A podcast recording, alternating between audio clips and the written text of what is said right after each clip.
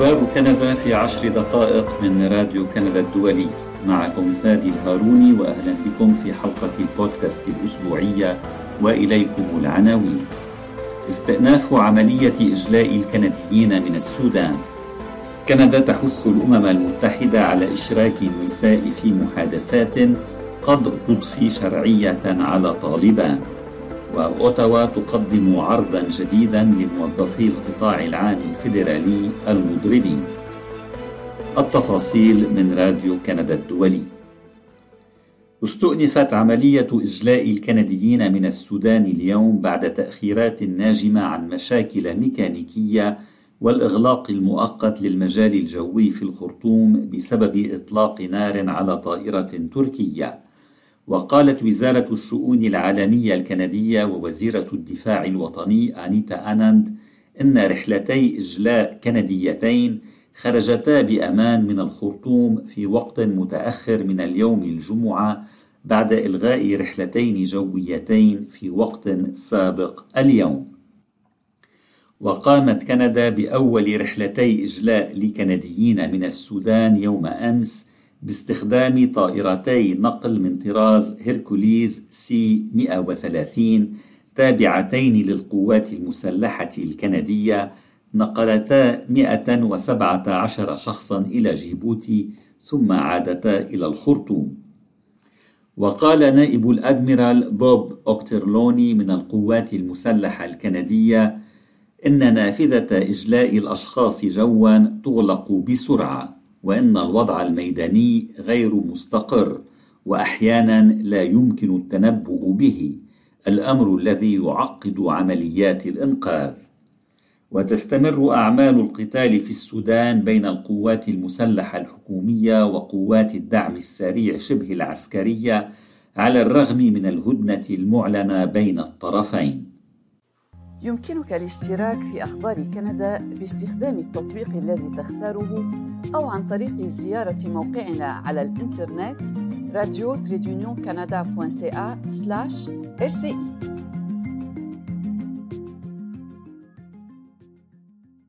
تقول كندا إن قرار الأمم المتحدة المثير للجدل ببدء حوار مع طالبان يجب أن يشمل النساء. ويأتي هذا الموقف الكندي في وقت تفكر فيه المنظمة الأممية بالاعتراف بهذه الحركة الإسلاموية كحكومة لأفغانستان. وطالبان مدرجة على قائمة المنظمات الإرهابية في كندا.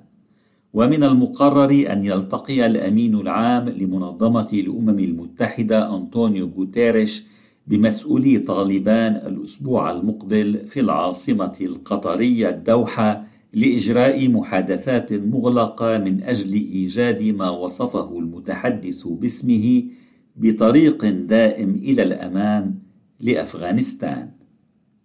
وكانت نائبة غوتيريش أمينة محمد قد أثارت ضجة هذا الشهر بقولها إن الأمم المتحدة تفكر في اعتراف مبدئي بحركة طالبان كحكومة ولم تعطي أي دولة موافقتها على ذلك على الرغم من أن كندا أجرت محادثات متكررة مع طالبان من أجل مواكبة الأزمات الإنسانية المتفاقمة في أفغانستان. ويوم أمس أيدت سفيرة كندا للمرأة والسلام والأمن جاكلين أونيل أيدت رسالة تدعو إلى حضور النساء إلى الطاولة. وفي تغريدة أعادت نشرها وزيرة الخارجية ميلاني جولي كتبت أونيل أن النساء الأفغانيات يجب أن يكن شريكات متساويات في صنع القرار المتعلق بمستقبل بلادهن. أفكارهن أساسية للنجاح والشرعية كتبت أونيل. والرسالة التي نشرتها أونيل صادرة عن مجموعة العمل للمنظمات غير الحكومية حول المرأة والسلام والأمن التي تحذر فيها غوتيريش من أن عدم وجود قيادات نسائية وأقليات مضطهدة ومدافعين عن حقوق الإنسان في الاجتماع الأسبوع المقبل يمكن أن يشكل سابقة خطيرة. وأضافت مجموعة العمل في رسالتها أن الاجتماع هو اختبار حاسم للمبادئ التي تدافع عنها الأمم المتحدة منذ عقود من الزمن وأنه يجب أن يتضمن أصواتا متنوعة إذا كان سيتطرق بالفعل إلى من يملك الشرعية للتحدث باسم الأفغان. أنت تستمع إلى أخبار كندا في عشر دقائق البودكاست الأسبوعي من راديو كندا الدولي.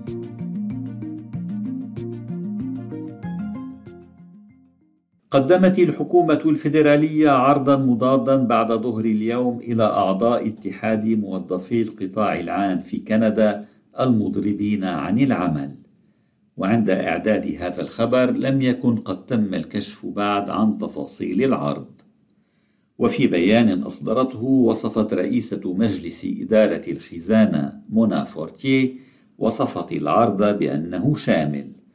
وقال متحدث باسم الاتحاد لسي بي سي إن الجانبين يجريان محادثات اليوم وإن هناك خططا لإجراء مساومات خلال عطلة نهاية الأسبوع. وأدى الإضراب الذي بدأ في التاسع عشر من نيسان أبريل إلى تعطيل العمل في ثلاثين وزارة ووكالة فيدرالية وأثر على مجموعة من الخدمات. بما في ذلك معالجة إقرارات ضريبة الدخل وطلبات جوازات السفر. وعزز الاتحاد خطوط الاعتصام الخاصة به هذا الأسبوع في مواقع مثل معبر لاكول عند الحدود بين مقاطعة كيبيك وولاية نيويورك الأمريكية وأيضا في مطار بيرسون الدولي في تورونتو.